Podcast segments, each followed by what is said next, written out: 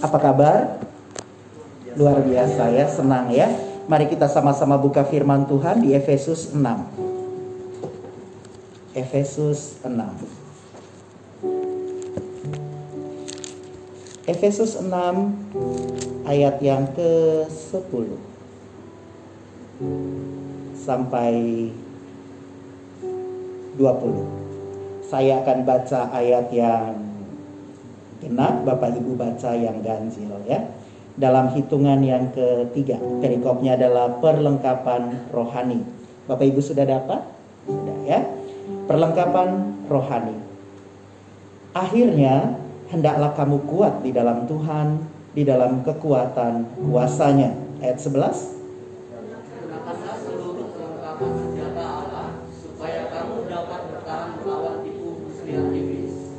Karena perjuangan kita bukanlah melawan darah dan daging, tapi melawan pemerintah-pemerintah, melawan penguasa-penguasa, melawan penghulu-penghulu dunia yang gelap ini, melawan roh-roh jahat di udara. Sebab itu ambillah seluruh senjata Allah supaya kamu dapat menunaikan apa pun pada hari yang jahat itu dan tetap berdiri sesudah kamu menyelesaikan segala sesuatu. Jadi berdirilah tegak berikat pinggangkan kebenaran, dan berbaju sirahkan keadilan.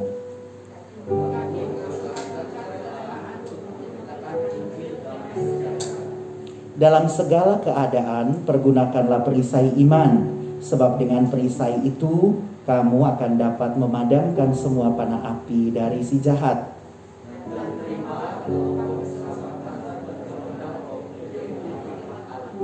Dalam segala doa dan permohonan, Berdoalah setiap waktu di dalam roh dan berjaga-jagalah di dalam doamu itu dengan permohonan yang tidak putus-putusnya untuk segala orang kudus.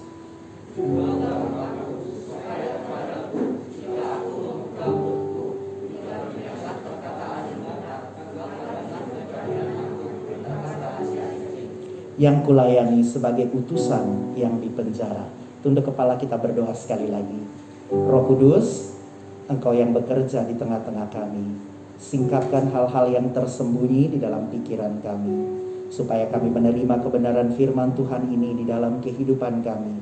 Kami simpan di dalam hati kami dan kami kerjakan di dalam hidup kami ini. Setiap penghalang-penghalang yang ada di udara, kami tolak, kami patahkan di dalam nama Tuhan Yesus Kristus. Roh Yesus yang ada di dalam hidup kami jauh lebih besar daripada roh yang ada di dunia ini, sehingga kami dapat mengalahkan segala hal, kami lebih daripada pemenang di dalam hidup kami. Di dalam nama Tuhan Yesus kami berdoa. Amin. Baik Bapak Ibu, sama-sama kita pelajari firman Tuhan hari ini. Saya akan uh, sharingkan kepada Bapak Ibu ada dua hal. Yang pertama ini adalah bagaimana kita memenangkan sesuatu di dalam diri kita. Dan ibadah yang kedua adalah bagaimana kita memenangkan sesuatu yang terjadi di luar daripada diri kita. Jadi firman Tuhan di ibadah pertama ini saya beri, beri judul uh, uh, private victory. Nanti ibadah yang kedua saya beri judul public victory ya. Victory ya. Saya sebutnya benar ya. Oke, ayat yang ke-10 kita mulai sama-sama, kita bedah firman Tuhan ini sama-sama. Bapak Ibu bersama dengan saya, amin. Oke ya. Amin. Bapak Ibu ada bersama-sama dengan saya ya. Oke, kita pelajari ini sama-sama ya ayat yang ke-10. Akhirnya hendaklah kamu kuat di dalam Tuhan dan di dalam kuat kuasanya. Ayat yang ke-10 ini dimulai dengan akhirnya. Amin. Dimulai dengan akhirnya. Jadi, pada waktu kita belum mengenal Tuhan, kita ini berjalan jauh dari Tuhan. Jadi waktu Tuhan itu ada di sana, kita itu berjalan menuju ke sana. Amin. Anda tidak akan pernah punya tantangan di dalam hidup, saya beritahu Anda. Waktu Anda belum mengenal Tuhan, Anda tidak punya tantangan sesuatu yang berarti di dalam hidup Anda. Karena Anda bersama dengan iblis dan musuh Anda adalah Allah. Jadi Anda tidak akan pernah punya tantangan-tantangan yang berarti di dalam hidup Anda. Kalau kita belum kenal Tuhan, segala sesuatu itu menjadi baik, menjadi biasa, menjadi sesuatu yang baik-baik saja. Anda nyontek tidak menjadi masalah. Anda curangin orang tidak jadi masalah. Anda jual untungnya banyak sekali, Anda membohongi orang, semua itu tidak menjadi masalah bagi Anda. Karena Anda bersekutu bersama-sama dengan iblis di dalam hidup Anda. Anda tidak punya musuh di dalam hidup Anda. Tapi pada waktu hari di mana Anda mengenal Tuhan Yesus, pada waktu itulah Anda mulai punya musuh di dalam hidup Anda. Amin. Karena iblis ada di sana dan Tuhan Yesus ada di belakang. Waktu Anda berjalan bersama-sama dengan iblis, Anda tidak akan pernah punya musuh di dalam hidup Anda. Satu-satunya adalah Anda memusuhi Allah, walaupun Allah tidak memusuhi Anda. Nah, waktu Anda balik arah dan mulai ikut Yesus, Anda jalan-jalan-jalan ikut Yesus, terima Yesus, tantangan-tantangan mulai terjadi di dalam hidup Anda. Amin. Nah, itulah kenapa waktu orang pertama kali kenal Tuhan, tantangan itu mulai terjadi.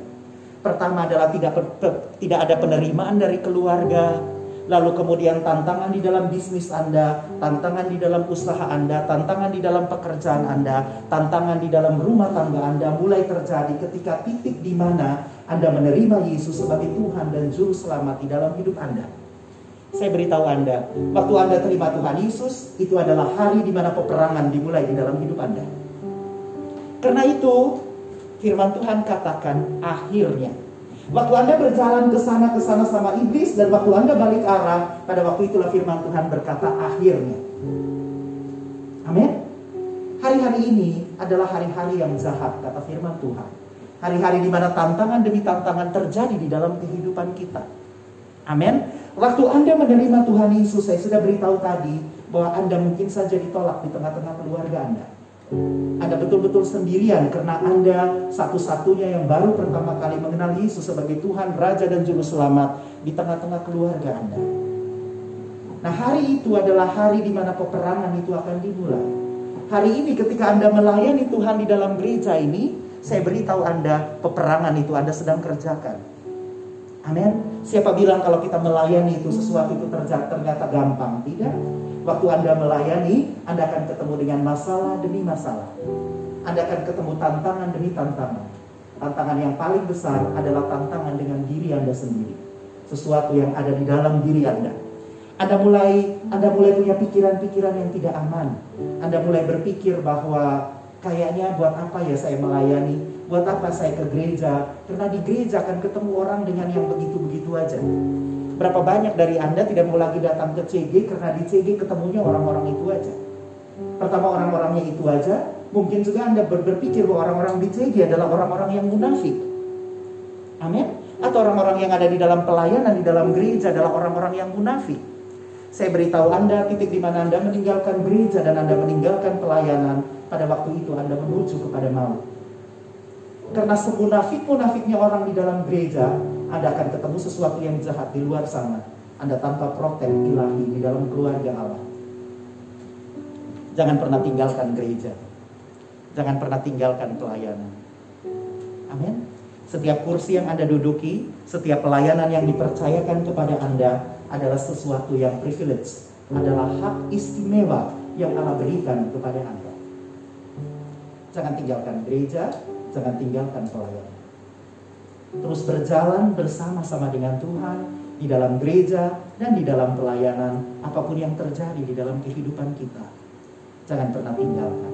Hari di mana Anda putuskan Anda ditinggalkan, Anda keluar daripada cover ilahi di dalam hidup Anda. Karena kalau Anda keluar dari rumah, hujan, angin, dan badai akan menghantam Anda.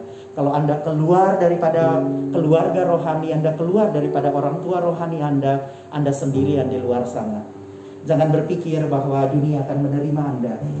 Anda boleh saja menggantikan CV Anda dengan komunitas di luar sana.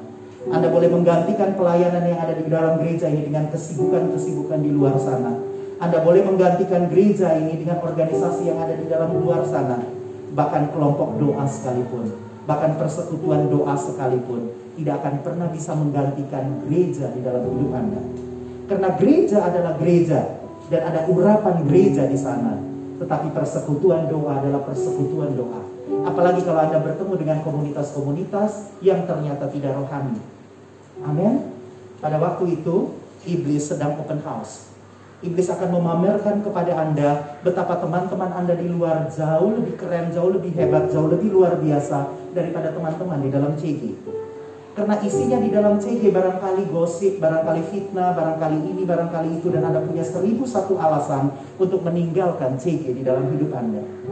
Tapi saya beritahu Anda, komunitas yang Anda temukan di luar sana ini sedang open house, sedang memberikan sebuah pameran yang baik bagi Anda. Lalu Anda akan meninggalkan gereja. Amin. Firman Tuhan ini Efesus ini dimulai dengan kata akhirnya.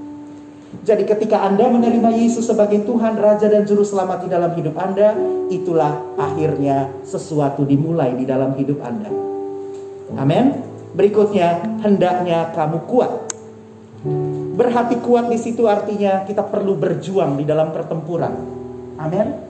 Karena perjalanan iman kita sesungguhnya adalah perjalanan yang penuh dengan pertempuran. Amin. Kita sedang bertempur. Waktu Anda jadi Kristen, Anda tidak sedang tidur-tidur. Waktu Anda pilih jadi Kristen, peperangan dimulai. Oke? Okay? Peperangan dimulai waktu Anda pilih jadi Kristen. Saya ingin beritahu Anda, siapa yang mau mengundurkan diri dari Kristen, silakan keluar dari pintu ini. Silakan, kalau Anda tidak mau berperang, silakan. Pintu terbuka di sana, turun lewat lift sampai ke bawah, pulang ke rumah dan tidur. Jangan datang ke sini lagi. Jangan datang ke gereja, jangan datang ke Tuhan lagi. Saya tidak mengkhotbahkan sesuatu kepada Anda untuk meninabobokan Anda untuk datang ke gereja. Sorry, Tuhan Yesus mati di atas kayu salib terlalu mahal untuk menyelamatkan Anda. Jadi kalau Anda main-main di gereja silakan. Silakan keluar lewat pintu ini atau bisa buka lewat pintu ini. Silakan. Siapa yang mau keluar silakan. Jangan pernah ikut Tuhan Yesus dengan sikap yang manja. Silakan keluar. Amin. Saya berdiri sendirian di sini, saya tidak ada masalah dengan Anda. Tapi saya akan mengikut Yesus sampai saya menutup mata. Saya tidak tahu dengan Anda. Tetapi firman Tuhan katakan akhirnya itu berbicara soal peperangan dimulai. Jadi kalau Anda jadi Kristen, Anda pasti berperang. Hari ini saya akan ada senjatanya apa saja untuk Anda berperang. Amin. Jadi kalau Anda mau jadi Kristen supaya Anda kaya, supaya bisnis Anda lancar, supaya sekolah Anda berhasil, Anda salah. Pengenalan Anda sama Tuhan kecil. Pengenalan Anda Allah Anda, pengenalan Allah, pengenalan Anda akan Allah sangat kecil. Amin. Akhirnya peperangan dimulai. Jadi mumpung kalian baru jadi, mumpung Bapak Ibu mungkin baru jadi Kristen 10 tahun, baru Kristen 5 tahun, baru Kristen 2 tahun, baru Kristen 1 bulan. Mumpung baru Kristen 1 bulan, Anda salah pilih kalau Anda mau santai, silahkan keluar. Karena Tuhan Yesus mati itu bukan murahan untuk Anda. Amin. Jadi hari ini orang datang terus manja, terus gini, terus itu. Anda salah pilih, Anda salah pilih iman kepercayaan. Anda perlu pilih sesuatu yang santai dan meninabobokan Anda. Supaya Anda terus berjalan sampai sama iblis. Sampai pada ujungnya. Karena waktu Anda pilih untuk jadi orang Kristen, perangan kita dimulai. Akhirnya. Amin. Jadi waktu saya, waktu kalian angkat tangan dan terus doa Tuhan Yesus. Aku menerima engkau sebagai Tuhan, Raja dan Juru Selamat di dalam hidup saya. Hari itu genderang perang sedang dibunyikan. Amin. Akhirnya hendaklah kamu kuat di dalam Tuhan. Adalah kalau kita jadi orang Kristen, adalah orang-orang yang berjuang di dalam pertempuran. Anda sedang tidak tidur. Anda berjuang di dalam pertempuran. Anda bukan hanya berjuang, Anda juga menerobos penghalang-penghalang di dalam hidup Anda. Kita kita kita berbuat kita berbuat kita kerjakan sesuatu di dalam hidup kita, kita pikir bahwa segala sesuatu itu menjadi baik-baik saja. Amin. Tapi kita perlu menjadi orang yang menerobos penghalang di dalam hidup kita. Kita terobos batasan-batasan di dalam hidup kita. Kalau orang bilang kita tidak mampu, firman Tuhan katakan kita mampu, kita lebih daripada pemenang. Kalau orang katakan kita ini bukan siapa-siapa, Tuhan Yesus bilang, aku telah mengenal engkau sejak dalam kandungan. Sebelum di dalam kandungan aku telah mengenal engkau. Aku memilih engkau untuk menjadi nabi bagi bangsa-bangsa. Ada tujuan di dalam hidupmu. Amin. Anak-anak Eagle Kids belajar umur 12 tahun. Mereka sudah tahu masa depan mereka harus ke mana. Gereja kita punya urapan yang untuk memberitahu kepada anak-anak kita yang berusia 12 tahun. Hari di mana mereka menjadi 12 tahun adalah hari di mana mereka tahu ke mana mereka pergi. Di dalam impian, di dalam vision yang Tuhan berikan dalam hidup mereka. Amin. Nah hari ini kalau Anda tidur terlalu lama, Anda, anda tidur-tiduran, Anda tidak ke mana-mana. Terobos penghalang Anda. Penghalang itu ada di dalam pikiran Anda. Penghalang itu ada di dalam perasaan Anda. Penghalang itu adalah hal-hal yang eh, ada di sekeliling Anda.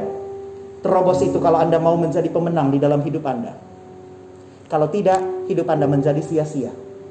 Anda tiap hari akan putar dengan itu-itu aja, bukan putar dengan pikiran tak berharga, putar dengan pikiran kesendirian, putar dengan kesombongan, putar dengan ini, putar dengan itu, dan Anda tidak pernah pergi ke mana-mana. Amin. Saya beritahu Anda, jadilah jemaat yang kuat. Jadilah jemaat yang tidak bawa perasaan di mana saja. Amin. Anda harus berdiri dengan dengan gagah di sana. Anda tidak hanya tiap hari Anda dipuji, dipuji, dipuji, disanjung. Anda tidak akan menerima itu. Karena Kristus juga datang bukan untuk dipuji dan disanjung. Tapi menyelesaikan setiap apa yang Tuhan percayakan di dalam hidupmu. Membawa keselamatan bagi setiap kita. Amin Bapak Ibu Saudara. Kita harus terus melangkah berjalan bersama-sama dengan Tuhan. Lalu berdiri hendaklah kamu kuat di sana juga berbicara soal kekuatan pedang. Kalau Anda sudah terima Tuhan, anda tidak bisa balik arah. Nanti kalau kita belajar perlengkapan perlengkapan rohani, senjata-senjata rohani yang ada di dalam hidup kita, yang berikat pinggangkan kebenaran sampai berkasutkan kerelaan untuk memberitakan Injil, tidak ada penghalang di belakang. Dia ada di sini, dia ada di helm ketopong keselamatan, dia ada di pinggang, dia ada di dada, dia ada di uh, apa itu namanya, uh, itu untuk melindungi, dia ada pedang, dia ada kaki, tapi tidak ada penghalang di belakang. Nanti saya beritahu Anda. Kenapa tidak ada penghalang di belakang? Anda dilarang untuk balik arah. Karena kalau Anda balik arah, iblis akan tusuk Anda dari belakang. Habis. Amin.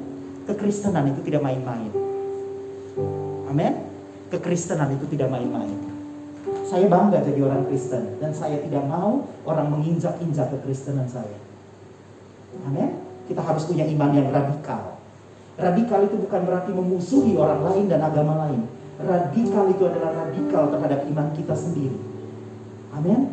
Hari-hari ini gak usah manja ya, gak usah sedikit-sedikit ini, sedikit-sedikit itu, gak usah. Akhirnya, hendaklah kamu kuat di dalam Tuhan.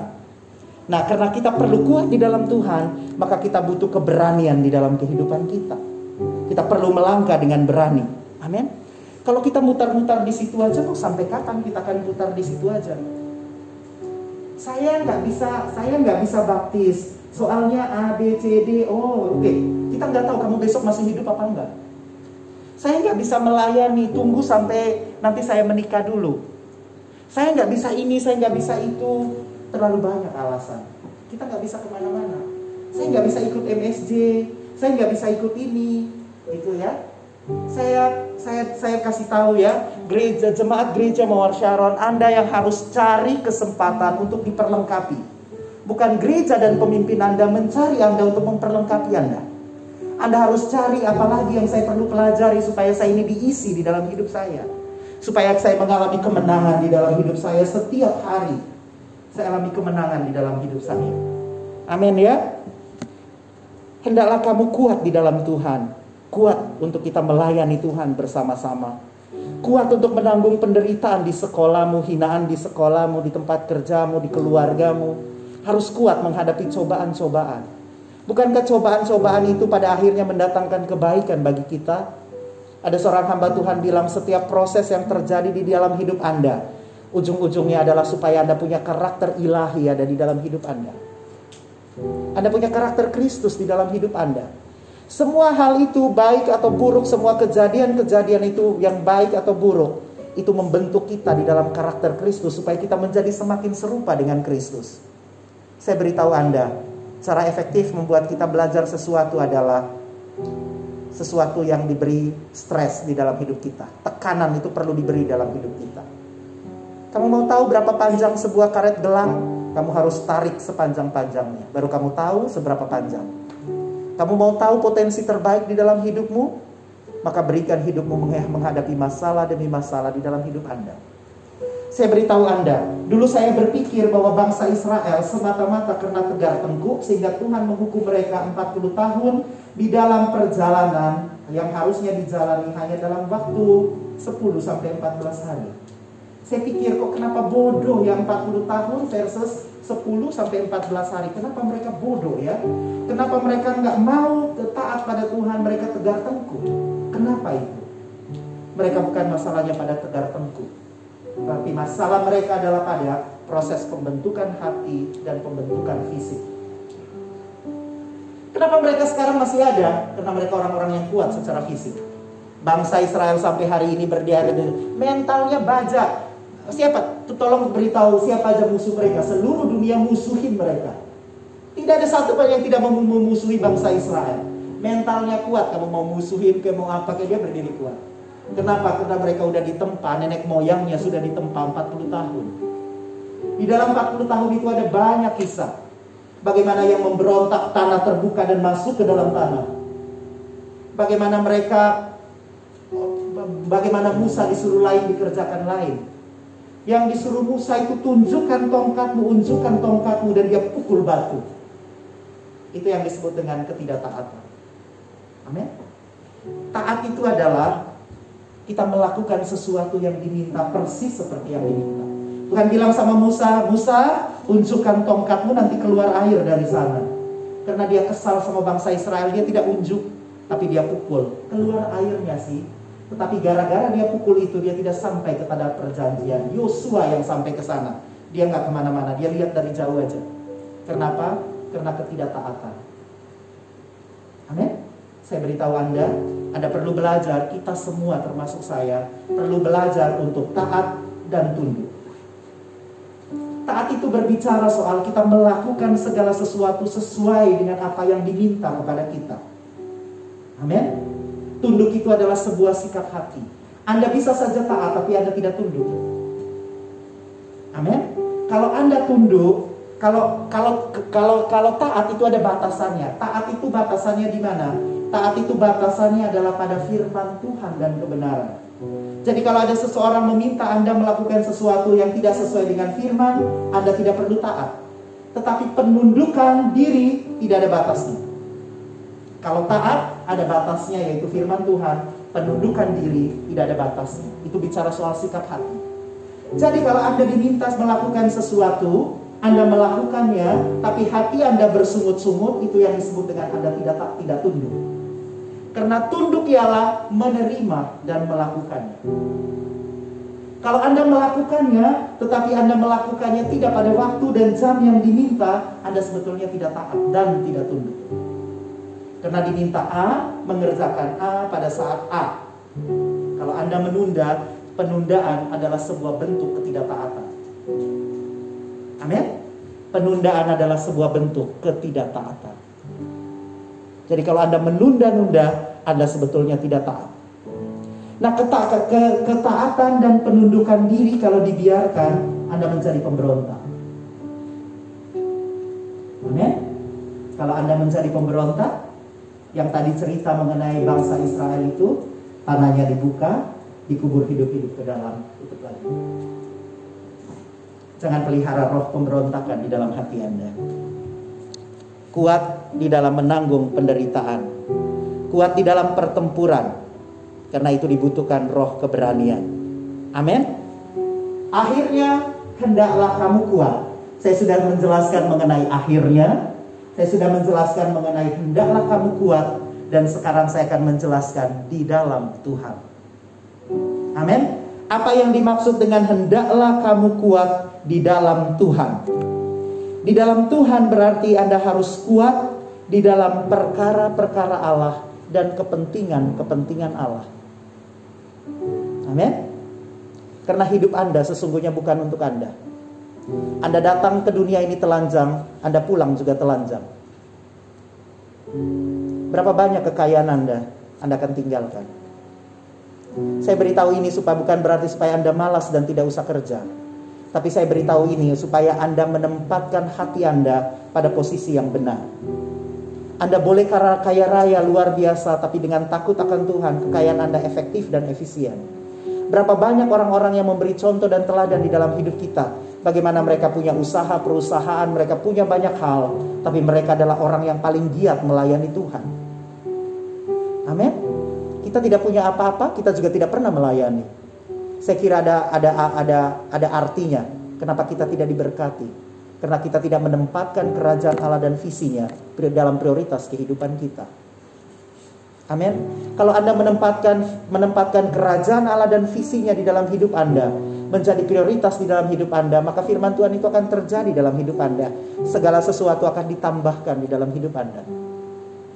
Anda mau ditambahkan atau Anda mau berupaya dengan keras? Maka langit di atas Anda akan menjadi besi, kaki di bawah tanah di bawah kaki Anda akan menjadi tembaga. Anda kerja keras, kerja keras, kerja keras, tapi tidak menghasilkan apa-apa di dalam hidup Anda. Karena Anda melakukannya tanpa Tuhan, tanpa visinya, tanpa pekerjaan-pekerjaannya, tanpa karya-karyanya di dalam hidup Anda.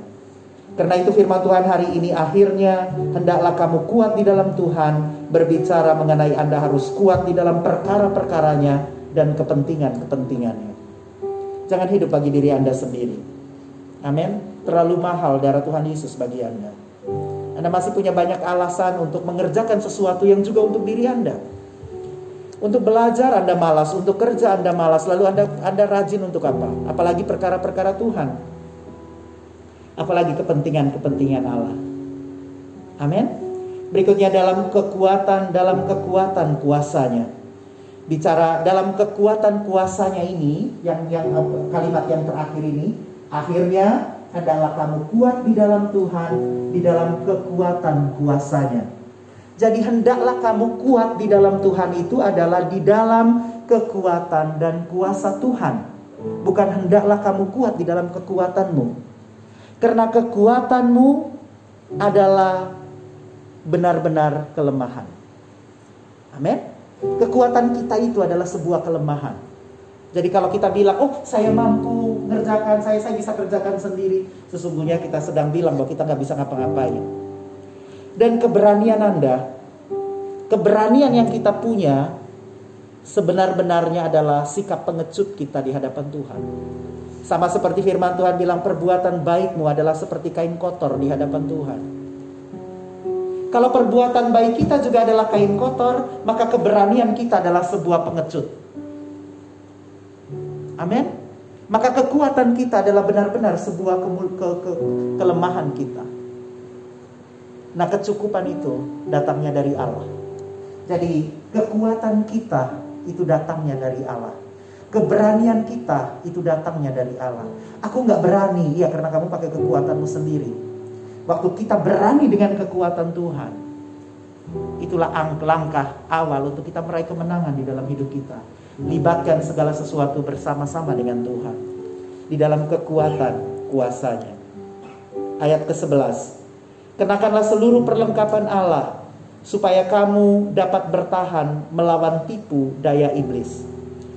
Kenakanlah seluruh perlengkapan Allah. Anda harus dipersenjatai karena Anda udah prajurit. Tadi waktu dia saya bilang waktu Anda menerima Yesus, Anda balik arah, Anda punya peperangan demi peperangan. Maka Anda juga harus dipersenjatai. Anda tidak bisa berperang tanpa senjata. Anda harus berperang dengan senjata. Amin. Kenakanlah seluruh perlengkapan senjata Allah supaya kamu dapat berlahan, ber bertahan melawan tipu daya iblis. Saya beritahu Anda bahwa iblis itu selalu akan menggoda Anda dengan tipu daya-tipu dayanya di dalam hidup Anda. Amin. Ada beberapa kebenaran soal iblis. Kebenaran yang pertama adalah iblis telah dikalahkan oleh darah anak domba Allah. Amin. Itu kebenarannya. Kebenarannya adalah bahwa iblis telah dikalahkan. Walaupun kita itu tiap hari masih berperang melawan tipu daya iblis, tetapi kebenaran yang pertama adalah bahwa iblis itu telah dikalahkan oleh darah anak domba Allah. Oleh darah anak domba, oleh kesaksian kita, iblis telah dikalahkan, kuasanya dihancurkan oleh darah anak domba. Oleh karena itu, itu firman Tuhan yang dinyanyikan ya. Di Wahyu bilang begitu ya. Lalu oleh darah anak domba Allah. Dan yang kedua, oleh kesaksian kita. Kalau Anda tidak pernah bersaksi, Anda tidak pernah ke mana-mana. Oleh darah anak domba Allah, iblis telah dikalahkan. Dan oleh kesaksian kita. Amin. Anda bersaksi takut. Anda sekutu iblis. Kalau Anda tidak kalau Anda tidak bersekutu dengan Allah, Anda sekutu iblis. Udah titik. Gak ada Anda sekutu siapa-siapa itu gak ada. Kalau Anda tidak bersama Allah, Anda bersama iblis itu aja. Kalau Anda, kalau darah anak gembala disiapkan bagi Anda, tetapi bersaksi itu urusan Anda. Anda yang harus bersaksi. Amin. Anda yang harus bersaksi. Darah anak domba Allah memberikan kemenangan bagi Anda, tetapi kesaksian itu tugas Anda. Oh, oleh darah anak domba Allah, kesaksian kita. Oh, kita nggak bersaksi. Kita oleh darah anak domba aja. Kalau Anda tidak, Anda, Anda takut, Anda pengecut, Anda nggak bisa ke mana-mana. Saya beritahu Anda. Masa depan Anda juga cuma gitu aja, nggak bisa ke mana-mana. Anda pengecut. Anda gak bisa ke mana-mana. Sedikit-sedikit takut, sedikit-sedikit takut. Ke kamar mandi takut. Ke mana takut? Kema Anda gak bisa ke mana-mana. Sedikit-sedikit takut, sedikit-sedikit takut. Kita tidak akan pernah ke mana-mana. Iblis telah dikalahkan oleh darah anak domba Allah. Itu kebenaran yang pertama. Amin. Kebenaran yang kedua adalah iblis masih berusaha melawan dengan tipu dayanya. Amin. Yang pertama iblis sudah dikalahkan, tapi yang kedua iblis mau cari kawan. Nah Anda mau jadi kawannya, Anda mau jadi sekutunya. Nah itu Efesus 6 ayat 11 akhirnya kamu kuat di dalam Tuhan yang tadi dalam kekuatan kuasanya. Kenakanlah tipu da eh, kenakanlah seluruh perlengkapan senjata Allah supaya kamu dapat bertahan melawan tipu muslihat iblis. Iblis akan terus menipu Anda. Karena medan yang paling medan medan peperangan bagi iblis untuk menipu Anda melalui tipu muslihatnya adalah pikiran Anda iblis akan mengorek-ngorek pikiran Anda. Itulah kenapa kadang-kadang Anda merasa sendirian. Nah, iblis itu sedang menipu Anda. Firman Tuhan katakan, aku telah engkau engkau adalah anak Allah. Tapi iblis bilang enggak, kamu sendirian. Tuhan udah kasih kita komunitas, kita bisa hilang di tengah-tengah orang banyak. Yang kita selalu, selalu sibuk terhilang di dalam, kita sering kali bilang terhilang di dalam rumah. Kenapa? Karena iblis menipu kita di dalam pikiran kita. Anda betul-betul sendirian di tengah-tengah keramaian. Itu itu yang bodoh bukan iblis, Anda yang bodoh. Anda mau? Amin. Kebenaran yang kedua adalah bahwa iblis masih berusaha dengan tipu dayanya. Ayat 11 tadi. Amin ya. Iblis bekerja di dalam medan pikiran kita. Karena sering saya juga ini ini peperangan sampai dengan kita mati, kita akan masih berperang dengan pikiran kita ini karena waktu tidur, Anda waktu menyembah tiba-tiba pikiran jorok kok. Anda sedang menyembah ini loh. Kau ku sembah. Ingat film yang tadi nonton. Ingat kartun yang tadi. Ingat ini, ingat itu dan lain sebagainya. Ingat drama Korea. Ingat apa-apa. Itu kita sedang berperang. Di dalam tiap hari kita sampai dengan kita mati baru peperangan kita selesai. Amin. Iblis akan ngasih tahu kamu apa lagi. Aduh, Iblis kasih tahu kamu, ada tiga leader kamu munafik. Dia dia akan merusak hubungan kamu dengan leader Anda. Karena dia tahu bahwa cover bagi Anda ada pada leader Anda. Leader Anda jagain Anda. Waktu Anda membenci leader Anda, Anda keluar daripada covernya seperti induk ayam. Jadi Anda dijagain seperti ini. Waktu Anda keluar dari sana, Anda tidak ada jaga. Waktu Anda tidak dijaga, itulah dia akan curi Anda. Dia akan menghanguskan Anda. Ingat, iblis datang untuk mencuri, membunuh, membinasakan. Jangan main-main sama iblis. Walaupun kita tahu kebenarannya bahwa darah anak domba Allah telah dikalahkan, iblis telah dikalahkan oleh darah anak domba Allah. Tapi iblis datang di dalam hidup Anda untuk mencuri, membunuh, membinasakan. Pertama dia curi dulu damai sejahtera, lalu dia bunuh rasa aman kamu, lalu dia akan membinasakan dengan suruh kamu bunuh diri. Dia habisin kamu. Amin. Pertama dia curi dulu damai sejahtera. Lalu yang kedua, dia akan membunuh rasa aman kita di dalam gereja, rasa aman kita kepada CG leader kita, rasa aman kita kepada pemimpin kita. Lalu dia akan membumi, yang membumi hanguskan kita, membinasakan kita. Supaya kita mati sekalian secara fisik, tubuh, jiwa, dan roh kita mati sekalian. Dia nggak hanya membunuh fisik, membunuh jiwa, membunuh roh kita sekalian. Amin ya. Nah, beberapa medan per perperangan saya dengan cepat saja. Yang pertama adalah hasutan. Iblis akan menghasut Anda dengan pikiran-pikiran yang negatif tentang orang-orang yang ada di sekitar Anda, tentang situasi di sekitar Anda, dan terutama terhadap Tuhan. Iblis akan mulai menghasut. Maka, makanya gosip sama fitnah itu itu kerjasama sama iblis. Sedikit-sedikit gosip, fitnah, dan lain sebagainya. Saya beritahu Anda, kalau Anda bermasalah dengan seseorang, selesaikan dengan orang tersebut. Kalau Anda tidak bisa selesaikan, bawa kepada pemimpin. Pada waktu Anda berbicara kepada banyak orang yang tidak pada tujuannya, Anda sedang bekerja sama dengan iblis untuk menghasut Anda. Lalu nanti yang satunya juga komporin ya kan, iya sih benar, saya juga rasa begitu. Kamu tahu nggak ya sekarang CG leader saya kurang memperhatikan saya. Terus yang satu iya saya juga rasa begitu. Lalu makin digosok, makin digosok, makin digosok lalu iblis mulai kerja. Amin. Yang pertama itu adalah melalui hasutan. Dia akan menghasut Anda. Bahkan menghasut tentang Tuhan. Ya Tuhan tuh nggak sayang sama kamu. Ya kan? Nah waktu di Taman Eden kan gitu. Bukankah Tuhan bilang semua pohon ini buah di dalam taman ini tidak perlu, tidak boleh kamu makan? Ah, dia mulai pelan-pelan kan. Terus Hawa bilang, ah, enggak begitu. Boleh kami makan kecuali yang ini. Karena itu jangan bicara sama iblis. Karena dia adalah bapak segala dusta. Jangan pernah buka percakapan sama iblis. Dia bohong semua. Karena dia adalah bapak segala dusta. Karena itu kamu nggak boleh nonton film hantu. Karena mulai dari hantu celah kecil itu akan bawa kamu ke mana-mana. Yang kedua kebohongan.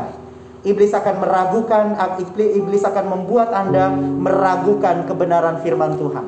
Saya beritahu ya sikap Anda terhadap firman Tuhan terima 100%, telan aja. Nggak usah kunya-kunya, telan aja. Mau mau nggak usah pertanyakan apakah itu benar atau tidak, apakah itu salah atau tidak. Amin. Kalau ada firman Tuhan, dengar, simpan dalam hati, kerjakan, nggak usah pertanyakan. Kenapa? Keraguan Anda akan firman Tuhan membuat iblis bekerja di dalam hidup Anda. Amin. Jangan pernah ragukan sesuatu yang sudah tertulis jelas-jelas di dalam situ. Jangan sampai ada juga karena Anda meragukan firman Tuhan, jangan-jangan iblis akan membawa Anda meragukan Allah. Benar gak sih Tuhan itu sayang sama aku? Benar gak dia akan berkati aku? Anda mulai punya rasa tidak aman, ujung-ujungnya tadi itu bunuh diri. Karena Anda tidak punya rasa aman. Amin yang membuat yang membuat Yudas tidak bisa diselamatkan lagi adalah dia tidak punya rasa aman. Amin. Terlambat dia. Lalu yang ketiga adalah intimidasi. Jadi iblis mulai dengan hasutan, iblis mulai bohong, lalu iblis mulai intimidasi. Cara iblis intimidasi itu dengan menakut-nakuti. Jadi kalau Anda punya sesuatu yang Anda sembah, terus nanti dia bilang kayak begini, kalau kamu nggak sembah ini, nanti kamu sakit. Nanti anakmu nanti kecelakaan. Mulai dari itu dia dia akan mulai intimidasi, lalu dia mulai menghasut, lalu dia mulai membohongi, lalu ternyata benar karena Anda mengamini itu menjadi kebenaran. Waktu Anda tidak menyembah, waktu Anda tidak sembahyang, lalu kemudian apa? Oh iya ya, benar ya. Soalnya saya agak celaka, tadi pagi saya kesandung. Amin. Nah, hal-hal yang kayak begitu iblis mau mencoba Anda. Kebenaran yang ketiga, kebenaran yang pertama adalah Tuhan Yesus sudah mengalahkan dengan darah anak domba Allah. Kebenaran yang kedua bahwa iblis masih bekerja melalui tipu dayanya. Kebenaran yang ketiga adalah bahwa iblis mengambil kesempatan melalui celah dan dosa di dalam hidup kita. Amin. Celah dan dosa. Rasa malas Anda adalah sebuah celah bagi iblis untuk bekerja di dalam hidup Anda. Menunda-nunda adalah celah bagi iblis untuk memperdaya Anda. Anda sedikit-sedikit tunda, sedikit-sedikit tunda, firman Tuhan katakan, tidur sebentar lagi, mengantuk sebentar lagi, maka datanglah kemiskinan di dalam hidup Anda. Amin. Lalu bagaimana caranya untuk kita bisa menang? Di dalam setiap peperangan, di dalam kehidupan kita. Bagian kita adalah fokus kepada Allah. Amin. Anda harus fokus kepada Allah tinggal di dalam dia dan melawan iman melawan iblis dengan iman yang teguh. Fokus kepada kekuatan kuasanya.